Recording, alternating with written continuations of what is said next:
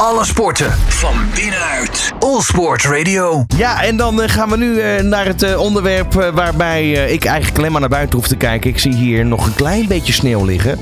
Eh, maar goed, dat is in de wintersportgebieden inmiddels wel eh, al een beetje anders. Ik heb aan de telefoon Arjen de Graaf van de Nederlandse skivereniging. Arjen, goedemiddag. Goedemiddag. We hebben een eh, heel mooi start eigenlijk van de, de winter. Is het bij jou ook al aan het kriebelen of niet? Behoorlijk. Ja, het, het is de beste start van de winter in echt in jaren. En eh, ja, er kwamen gisteren ook weer beelden vanuit de Alpen eh, vandaan. Ja, het is, gewoon echt een winterwonderland op het moment. Dus dan gaat het zeker kriebelen, absoluut. Ja, hè? Nou, ik was toevallig eh, afgelopen zaterdag op Amsterdam Centraal. En dan staan we heel zuur. Dan zie je mensen met een snowboard staan. En dan blijkt door het slechte weer dat de nachttrein eruit ligt. Lijkt me heel pijnlijk. Maar al met al, ehm, ja, eh, even kijken. Ik heb hier wat eh, sneeuwhoogte. Dus Damuls 1,30 meter. Hoogzulde 2,10 meter. 10. Klein Walsentaal 1,50 meter. Zaalbach 110. Het is alsof het gewoon midden in de winter is. Ja, maar zo ziet het er inderdaad ook uit. En eh, er, ligt, ja, er ligt verschrikkelijk veel sneeuw. Eigenlijk niet alleen in Oostenrijk, maar ook in, in Zwitserland, in Frankrijk. Eh, in de Franse Écrin, daar heeft in december, eh, ja, begin december op hoogte nog nooit zoveel sneeuw gelegen, gelegen sinds ze begonnen is met de metingen. Daar zijn ze mee gestart in 1983.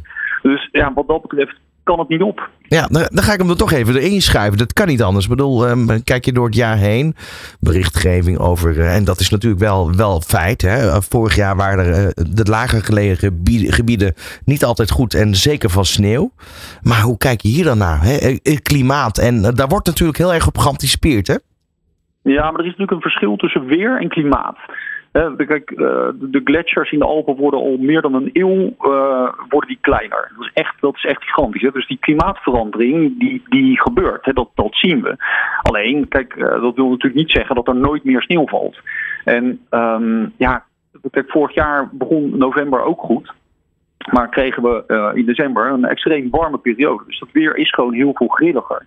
Dus dat, dat is wel echt een wezenlijk verschil. Dat betekent natuurlijk niet dat er eh, niet meer geskiet kan worden. En er is, ook, wordt ook heel veel wetenschappelijk eh, onderzoek naar gedaan. Ja, ik heb toevallig het, het, blad Ja, gezien. Da- daar wordt zeg in de ijslagen gekeken. Hè? Daar, zo, dat doen ze onder andere, toch? Een artikel. Ja, maar dat is, dat is puur voor de gletsjers. Kijk, er wordt ook Ja. gewoon gekeken wat betekent zeg maar, die klimaatverandering nu precies zeg maar, voor de, ehm, een gesloten sneeuwdek op verschillende hoogtes. Hè. Dus dat heeft niet zoveel met, eh, met ja, de permanente, de, de eeuwige sneeuw zeg maar, eh, eh, te maken in de Alpen, maar gewoon, oké, wat, wat doet dat nou? Weet je, wat, wat kunnen we nou verwachten? En er is in augustus is er een wetenschappelijk artikel verschenen. Dat heeft dan onderzocht van wat eh, gebeurt daar nou mee op het moment dat de temperatuur gemiddeld op een 2 graden stijgt of het 4 graden stijgt. Nou ja, kijk, daar, dat, dat, dat de uitkomst laat zich raden. Hè. Dat is natuurlijk niet positief voor de wintersport. Maar de helft van de skigebieden bij een temperatuurstijging van gemiddeld 2 graden komt dan in de problemen met een gesloten sneeuwdek. En dat kan dan opgelost worden door het gebruik van technische sneeuw, dus met sneeuwkanonnen. Ja. Ehm, en daar wordt eigenlijk ook in andere onderzoeken gezegd van op het moment dat, eh, dat die klimaatverandering zich doorzet zoals dat nu gebeurt, dan zijn we tot 2060 kan het, eh, ja, wintertoerisme in de huidige vorm plaats blijven vinden en daarna wordt het penibeler. Dus het is niet zo dat we volgend jaar met z'n allen in de problemen zitten. Maar Dat- zo wordt het wel een beetje gebracht af en toe. nou ja, kijk, het is natuurlijk een heel bijna sexy onderwerp om te brengen. Hè. Op het moment dat daar natuurlijk een groene berg is die wit zou moeten zijn, met daar tussendoor een wit lint van sneeuw die, ehm, ja, die daardoor sneeuwkanonnen is neergelegd. Ehm, ja, dat, dat, dat, het, het is heel beeldend. En het is natuurlijk ook een eh, feit dat, dat, eh, ja, dat het dus wat grilliger wordt. Alleen, kijk, en dat vind ik persoonlijk een beetje een, eh, het vervelende van deze situatie. Er wordt eigenlijk gebracht alsof de wintersport ehm, ook ja, zeg maar die klimaatverandering versnelt. Ja, en dat is gewoon per definitie niet waar. Want dat, dat, dat doet me denken aan vorig jaar, waar, waar eh, in, in Frankrijk in gebieden de sneeuwkanonnen eh, werden, eh, ja, moet, je zeggen, dat, dat, die werden zelfs ontmanteld half door, door klimaatactivisten. Ja. Ja, dat klopt. Dat is inderdaad gebeurd. Ja, heel eerlijk, als je naar de data kijkt, dan is dat, het slaat dat echt helemaal nergens op.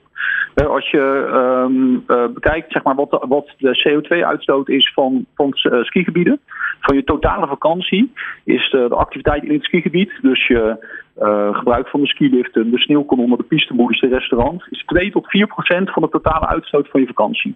De reis er naartoe is tot 60 tot 80 procent daarvoor voor, uh, verantwoordelijk. Dus dat is voornamelijk het punt waar we uh, ons met elkaar op zouden moeten richten, hè, om dat duurzamer te maken. Ja. Want kijk je namelijk naar de duurzaamheidsinitiatieven van in de Alpen, dan zijn sommige skigebieden die hebben de ambitie om binnen nu en twee jaar al compleet uh, klimaat, klimaatneutraal te zijn. Ja, ik denk dat er weinig toeristische bestemmingen zijn die uh, zulke grote hoeveelheden toeristen ontvangen die dat kunnen zeggen. Ja, wilde ik, net, eh, wilde ik net zeggen, dat, dat als je het een beetje volgt, dan zie je dat ook overal. Wordt het voldoende belicht in jouw ogen? Nou, dat, dat is wel aan het veranderen. Dat komt ook omdat er nu vanuit de wetenschap ook veel meer oog voor is. Want om bijvoorbeeld op die sneeuwkanonnen terug te komen, die, stand, die zaten natuurlijk letterlijk echt heel erg in het verdomhoekje. Um, maar als je kijkt, zeg maar, kijk naar wat een sneeuwkanon eigenlijk is. Het, verbruikt stroom, het verbruikt uh, water. Nou, op dat laatste punt, het, ja, het verbruikt geen water. Het leent eigenlijk water van de natuur. Want al dat water dat komt er terug in de kringloop aan het eind van het seizoen. Dus het is niet zo zoals bij andere industrieën dat het water echt verbruikt wordt. Nee.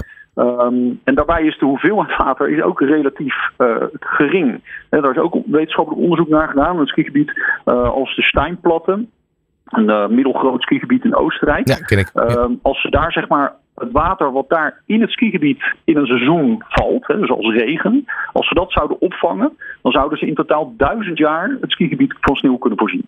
Dus het, dat, dat, en dat komt dus uiteindelijk ook weer terug in de natuur. Dus, dus dat is, ja, weet je, als we ons daarop focussen, dat is echt symboolpolitiek van de eerste orde. Ja, en, en sowieso wat betreft het verbruik van stroom, dat is uh, nou inmiddels ook wel op te lossen door uh, zonnecellen te plaatsen. Dat soort Ja, klopt. Kijk, en, en ook daar, kijk wat ik net al aangaf, 2 tot 4 procent van je uitstoot komt maar door je activiteiten op locatie.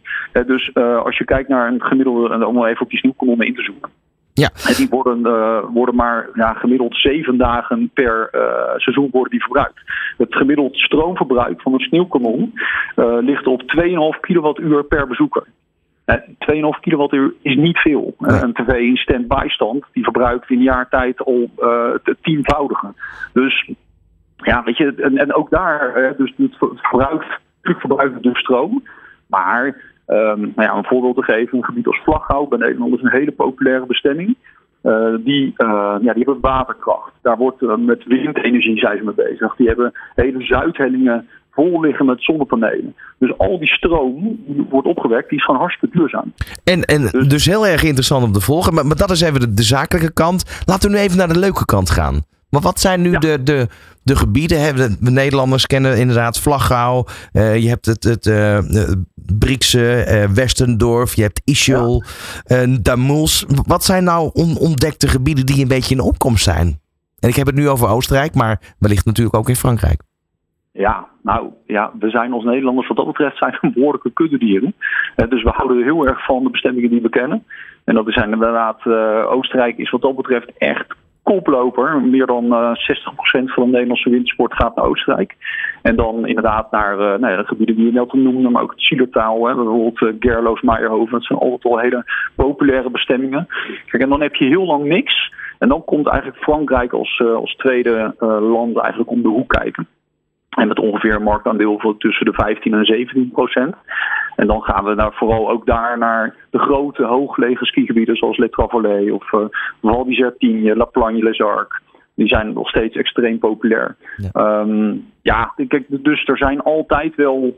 Er zijn, er zijn zo verschrikkelijk veel skigebieden in de Alpen. Maar op de een of andere manier hebben we de neiging om, om naar de grotere gebieden te gaan.